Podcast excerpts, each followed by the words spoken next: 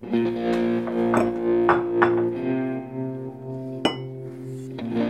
får annars nyckeln upp på torsdagen när jag far upp. Ah, ja, ja, men det är ju bra. Tänk att jag har inte sett den heller, den här bostaden. Och så vågar man flytta dit. Så stort förtroende må du. ja. Du lyssnar till Utan skuld, månadens dokumentär om Nils Lindberg och hans hustru Barbro av Anvi Gardberg och Jyrki Häyrinen. Så var det ju med besvärstid och alltihop 30 november så då skulle jag vara fri. Och det verkar ska stämma för jag ringde till banken och, och testade att när där jag har en bekant där så, så var han inne och tittade. Jo, sa han, här syns ingenting. Det syns nog, det är nog grönt. Nå, grön, det betyder ju att eh, jag har inga anmärkningar, betalningsanmärkningar. Så att man finns inte i något register. Men det har jag ju levt med i 22 år tidigare. Men, men då när jag träffade dig 2007 så då sa du att, att jag blir aldrig fri. Min bakgrund finns nog kvar. Om inte den finns på annat håll så finns den hos mig. Nils är en man som drabbats av konkurs, skulder, skilsmässa och olyckor. Jag är inte ensam skyldig till den här konkursen. Vi var två om det här. Han är mannen som borde ha dött men ändå lever. Barbro är hans hustru sedan nio år tillbaka. Hon är kvinnan han vill leva resten av livet med. Jag, jag är van med de där rutinerna jag, ser du. Så därför tänkte jag inte pensionera mig på två år ännu, men att det, där, det var riktigt, nu, egentligen ditt fel att jag gör det. Mitt fel? Ditt fel, jo, när du råkar hitta den där bostaden där uppe. Det skulle jag ju annars hitta på något sådana här saker. Alltså den här Ralfen som ringde sen och sa att nu är lägenheten eh, till salu. Var det mitt fel? Eller? Nej, det var inte. Aha. Nej, det skulle, men vi skulle hitta något annat här. Något, ga, något gammalt, vet du. Ett sån här, tält? Nej, utan ett gammalt frontmannahus eller sånt här. Jag älskar ju gamla hus. Ja. Nej, man ska inte flytta flera gånger i den här åldern. Nu, nu räcker det till. Okej, okay, är Beslutet det är, är fast och jag fick nästa steg. Gravgården. Vi har ju bott här på nåder, på hyra.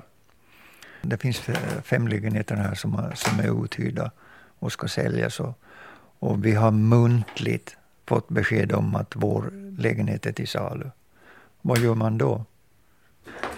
Jo, man börjar söka och då fick jag en lottovinst.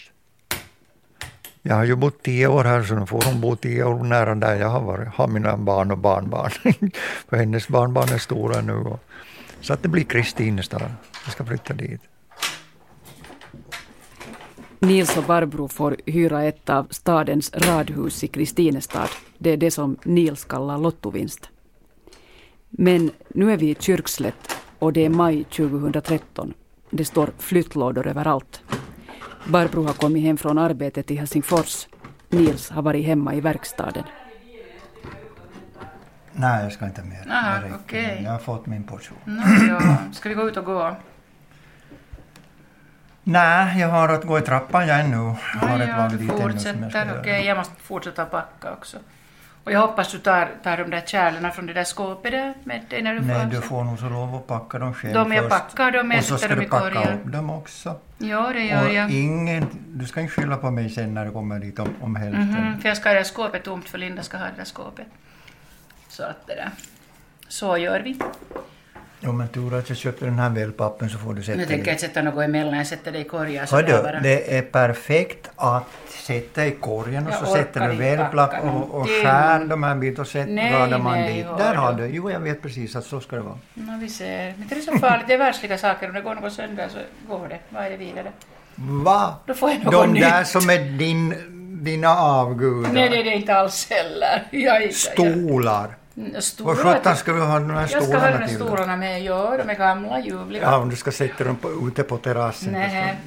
Sen en annan sak, så det där, så de som är renoverade, de där Emma-stolarna, så jag skulle drömma om att lämna dem åt någon annan, för jag ska ha dem. Mhm. Nils verkstad är i övre våningen. Här kan man kläcka idéer eller förverkliga idéer. Här har, här har jag verkligen trivats.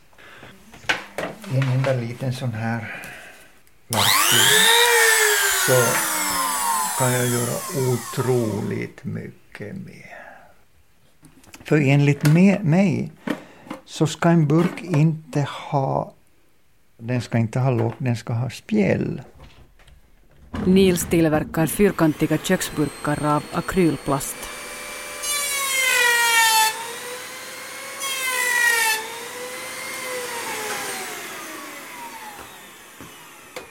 Men här har jag någonting som jag personligen kallar för uppfinning. Det här är någonting som jag vet att, att skulle kunna gå att... Men den är så svår att tillverka, jag har bara lagat en prototyp. Det är en burk som doserar kaffe i runda kolvar. Om man bara vrider, nu föll det in i röret när jag har dragit upp röret, ska vi säga en, en deciliter och sen vrider en gång till så faller det ut i, i kanalen på andra sidan och sen är det bara att hälla ut. På patentbyrån där de var så sa de det här kommer att bli en världsprodukt. Men jag kan inte fortsätta med den här, den här idén ska säljas på något vis och sen jag har nog den färdig här uppe i övervåningen hur den ska se ut men inte att jag skulle kunna tillverka och laga den där och, och sälja den något annat. Nej, det går inte.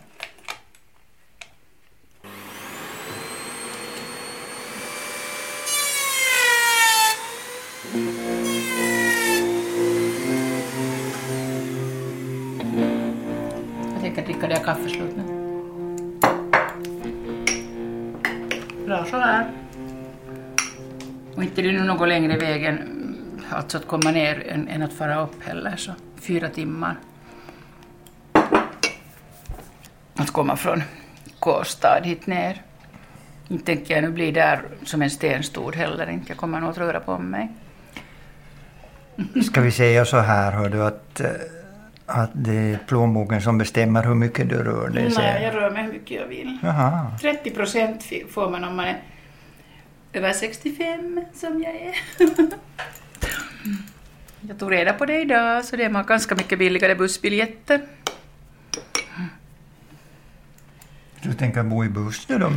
Nej, jag tänker åka med buss hit ner, för du behöver ju bilen. Sen köper jag en egen bil sen senare. En röd liten bil. Förr har det alltid varit en gul. Gul, men det är röd nu. Det börjar svänga. Det är ju precis... Rött syns bättre, röda faran. Mm. Mm.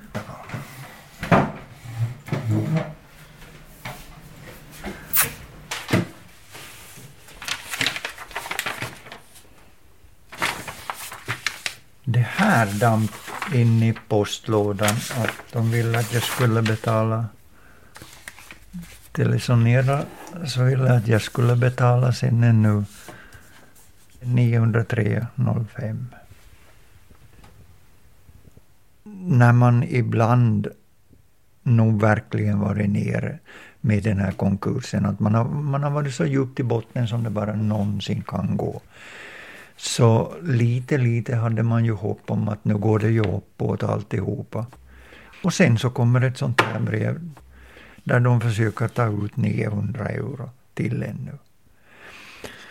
Så trodde de nu när jag är fri att nu är jag lovligt byte. Det visste de om. Du är följd överallt, de vet precis. De visste nog om att jag var fri. Det kom ett sånt meddelande om att jag är fri och då ska de ha in mera pengar.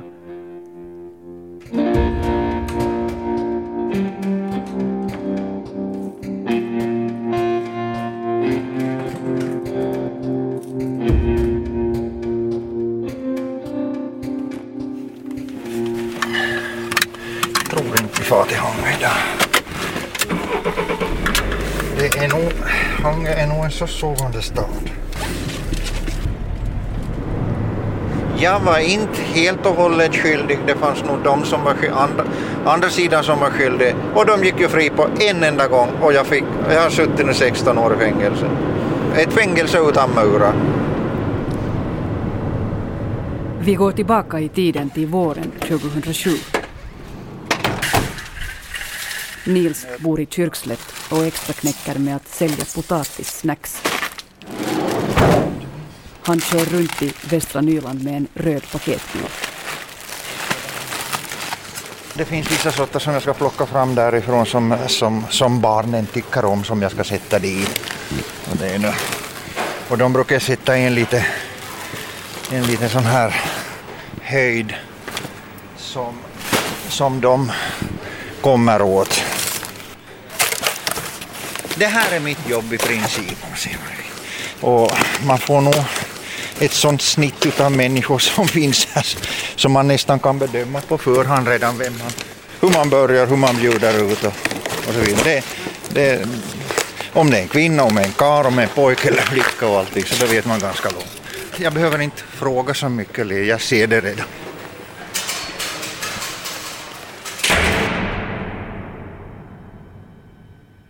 Man hade ju ingen chans att börja om från början. Du hade ju bränt alla broar till allt. För att skulle du börja om från början så behövde du ju pengar. Och då var det ju slut. Så det var ju så enkelt. Det var så enkelt att och, och, och godkänna det här att nu blev det mörkt. Det var ungefär som en, en brytare, on-off.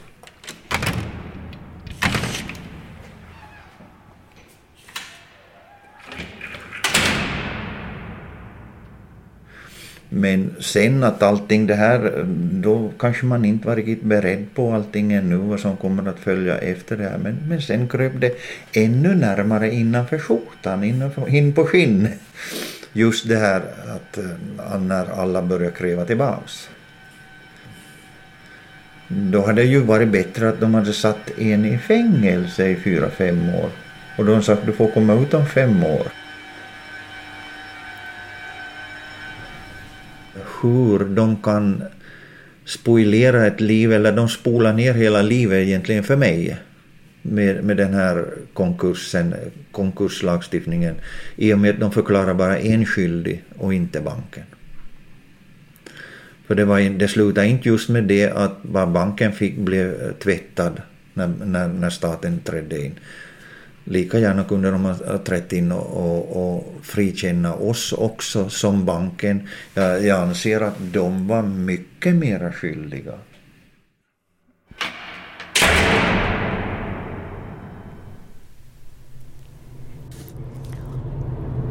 Det är 2007. Nils kör upp till Skaftung i Sydösterbotten där han är född och uppvuxen. Vi stannar i ett kök på vägen. Så, så. När vi parkerar bilen här så kommer vi till... Hit har jag varit många gånger, till Krikoma och hämtat allt som handlar om pneumatik och, och allt inom reläer och allt möjligt som man behövde ha i sitt företag. Goda dagar! Nu kommer husbonden ut på en gång. Eller kanske jag går för det. Carl Gustav Söderlund sålde tillbehör åt Nils och sen blev han vän och affärskumpan. Kan du berätta om när du först började träffa honom? Vad, vad var han för en, för en kar? Han var fiskare och hade ett problem. Det regnade in i hans regnställ där han var ute och fiskade. Och sen så blev det ju att Nils eh, började så småningom med växthus. Och, och på den vägen så passade det ju in i vårt eh, företag här den vägen kom vi ju närmare så att säga. Det blev ju till sist så det var nästan daglig kontakt. Och så småningom så får vi ju vidare och kom in i, i Ryssland, i Sankt Petersburg och vidare över i baltstaten och, och nu sitter vi här. Han började sen, Nils, att utveckla manicker då för olika apparater som behövdes i växthus. Mm. Var, var han bra på det? Han var väldigt bra på det. Det var ju en nackdel kanske var ju det att han var så sjuttons bra på det där så han utvecklade så mycket så att det, det kommer att kosta en hel del att ta fram därför att när han hade gjort det en färdig så gjorde han en ny som var bättre.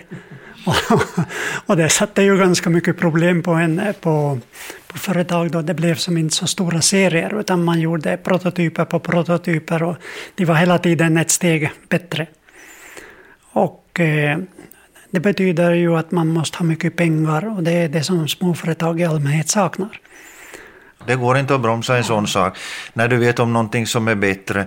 Om du sitter med ett fat med fyra olika smaker och den bästa smaken är den sista. Du fortsätter tills du kommer till den. Och, så.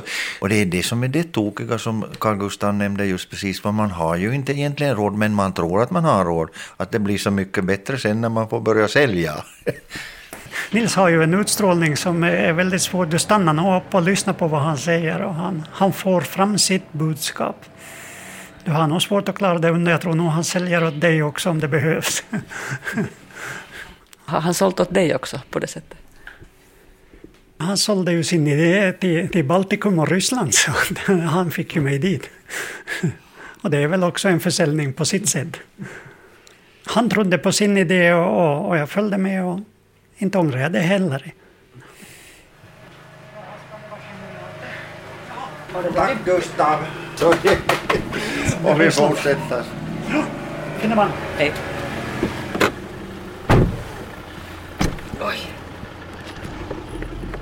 Nils hade ingen utbildning annat än folkskola och ett års medborgarskola. Men det gick bra och Nils sålde sina växthusuppfinningar. Vi kör till Pentti Rimpinen som var Nils högra hand i företaget.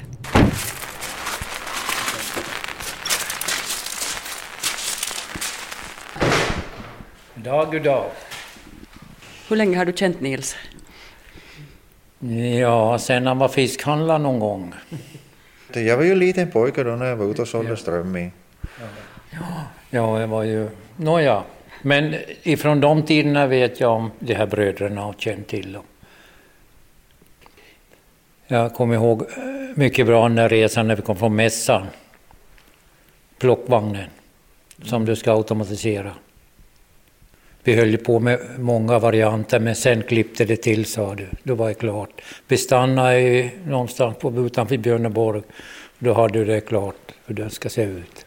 Han uppfann på vägen ja, när ni ja, körde? Ja, just det. Och mycket annat. Det var nära på varenda morgon så hade han någonting här. Det gick för snabbt fram på något vis också. Som vagnen där, så, de tillverkas ju idag hur mycket som helst ju. Men det blev bara slut på Nilly då så.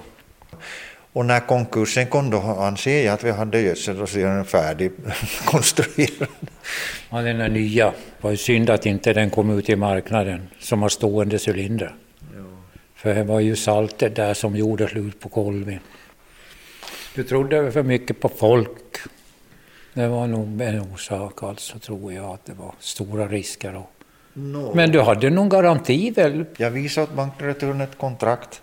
Ett sånt här kontrakt skulle jag kunna skriva under om vi hade garantier. På, på fredagen så ringde bankdirektören och sa, så sa han på det här viset att det här kontraktet räcker som garanti om du själv skriver på som toppborgen. Nils hade sålt en begagnad tomatsorteringslinje till en sovhås i Litauen. Vinsten var god.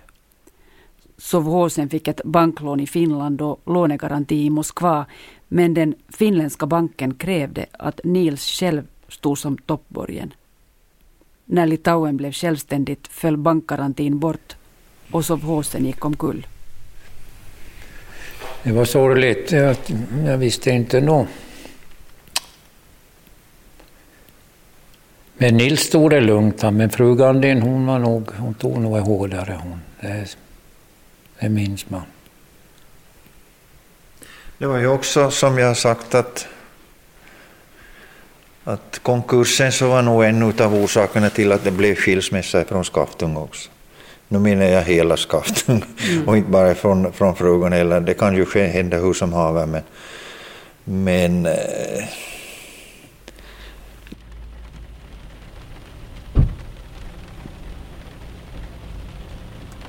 Efter konkursen sålde Nils korgar från Litauen. Det, det, är verkligt fina korgar. Av en orsak så är de så otroligt hållbara jämfört med polska eller finska. Skillnaden är ungefär dag eller natt. Det är nämligen så här att i Litauen, det enda landet i Litauen där man inte kokar viden, man ångar viden. Och när man ångar viden så sväller alla fibrer ut så det blir som en vajer. Och då blir det ingen hård yta, den andas genom själva viden. Men när du kokar viden så blir bara ytan mjuk. Och sen när man flätar korgen så torkar ytan igen och då blir den hård och då spricker den. Så dammar med nyl nylonstrumpor så är det inte riktigt hälsosamt för att gå med en sån korg. Men den där vågar du gå med. Det finns inte en enda spricka på den där korgen. Och den är elastisk och mjuk. Du sålde, hur många korgar sålde du? På knappt tre och två och ett halvt år så sålde jag någonting på 60 000 korgar. I Finland. Det är inte riktigt illa. Hur gammal var du när du började sälja? Jag var åtta år när jag började sälja. Så det är just precis här rullar det verkligen in känslor när man kör på den här vägen. Och, och där jag hade byggt från början började 1975 med min bror. Bygga hus och hem och, och det växthus som man sen hade. Och, och hallen där man hade sin verksamhet som man fick skiljas ifrån om man säger på det viset. Det är just här.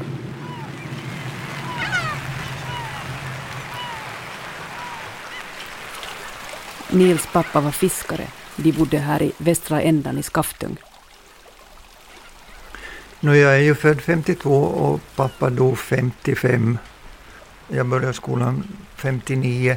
Då minns jag att den sommaren så var jag första gången ut med min bror Rune. Vi var och sålde strömming. Och pengarna gick ju, om man säger oavkortat, till mammas börs.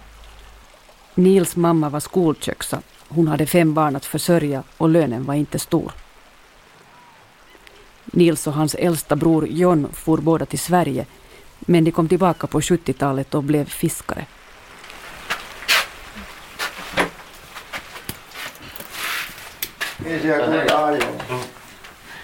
Jag har kört omkring nu lite överallt. Det är finns en sallad och grejer. Nu har jag ju hört Nils version om varför han gjorde konkurs, men vad har du tänkt som, som storebror? Dåliga affärer som har konkurs på. Det är ingenting annat, det är bara den krassa sanningen det liksom. Jag vet att gör man dåliga affärer så gör man konkurs. Får man lära sig. Vi har också gått på minor. Du hade inte sådana här stora fakturor. Det var en faktura som stjälpte mig. Men, men eh, dåliga affärer, var det, var det en dålig affär? Det här var ju en, alltså det kan jag konstatera efteråt ju.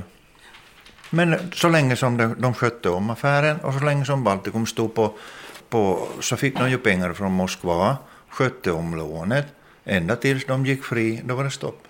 Det var en faktura, det tror jag säkert var sant. Det är alls frågan om det liksom, för den var alldeles för stor. Det skulle vara mycket bättre säkerheter om och pengar på konto innan man levererar någonting i sådana fall. Jag, jag har aldrig haft en chans att skicka ut en så stor faktura jag ens som han gjorde då. Så att, eh. och det vet jag fasen om det inte redan var i beräkningen med att den där så lurar vi. Bara vi får maskinen så, så lurar vi honom inte vara med i beräkning det där, eller det, det kan jag nästan slå huvudet i backen på. Ingen beräkning från deras sida. För då ska det ha varit direkt bums från den dagen som första raten föll till betalning. Men de skötte om det i tre år.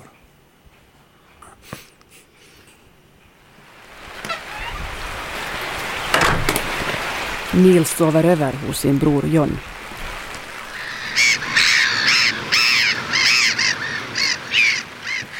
det här slog mig riktigt att eh, när jag kom i, eller i natt, låg för mig själv, jag blev störd i sömnen av kylen eller som, som startade och gick. Jag, fick, jag har väldigt dåligt med sömn och alltihop. Så börjar man ligga där och vrida sig och vända och fundera. Och då kom jag in i samma trans som man har legat hundratals nätter efter konkursen.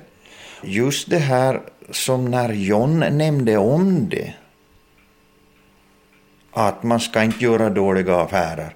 Och du kom med kommentaren, hörde du Nils vad han sa? Det var det som väckte mig precis då. Det är den attityden jag har hela tiden mött. Jag skulle vilja bära de här frågorna till lagstiftarna som att de kan motivera att en sån här lag existerar i Finland. När de stiftade det här att man kunde få skuldsanering. Men det var bara personer som kunde ha ett fast jobb och en fast lön som kunde få skuldsanering. Jag var privatföretagare. Jag hade varit med om trafikolyckor, hade fått en krossad fot. Vem ville ha en som gick på kryckor i jobb? Och vad hade jag för skolning? Inte förrän jag fick invalidpension, 520 euro i månaden, då har jag rätt att få skuldsanering. Jag skulle vilja kalla bankerna ungefär den tiden fungerar som prostituerade. De bjöd ut sig på gatan. Kom in hit. Så att det var ingen större skillnad. Jag är inte ensam skyldig till